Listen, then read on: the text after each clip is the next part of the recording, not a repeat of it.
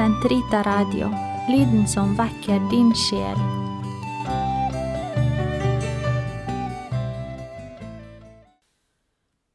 Den katolske kirkes katekisme, uke 40, lørdag 2297 2301. Aktelse for kroppens integritet. Kidnapping og gisseltaking fører til terrortilstander, og trussel utsetter ofrene for et utålelig press. Dette er moralsk utillatelig. Terrorisme som truer, sårer og dreper i blinde, er en alvorlig forseelse mot rettferdighet og kjærlighet. Tortur som benytter seg av fysisk eller moralsk vold for å oppnå tilståelser, straffe skyldige, skremme motstandere, tilfredsstille hat, strider mot aktelsen for mennesket og menneskets verdighet.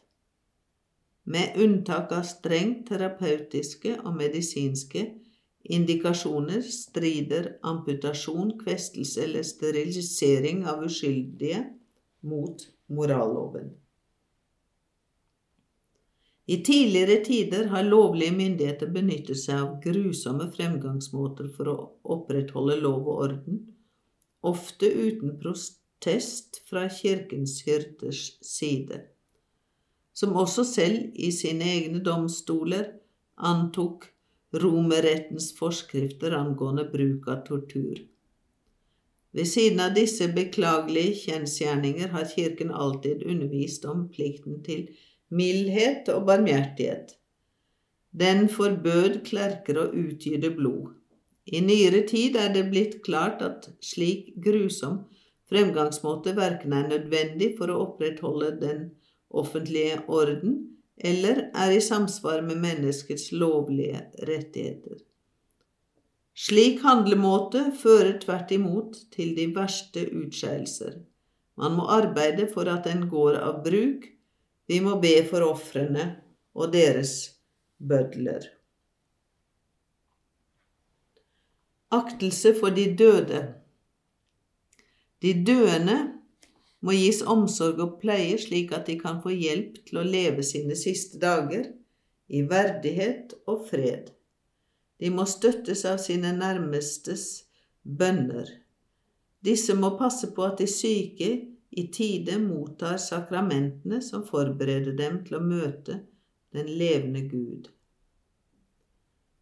De avdødes lik må behandles med aktelse og kjærlighet i troen på og håpet om oppstandelsen. Begravelsen er en fysisk kjærlighetsgjerning. Den er en æresbevisning mot Guds barn, templer for Den hellige ånd. Obduksjon kan være moralsk tillatelig av hensyn til juridisk undersøkelse eller vitenskapelig forskning.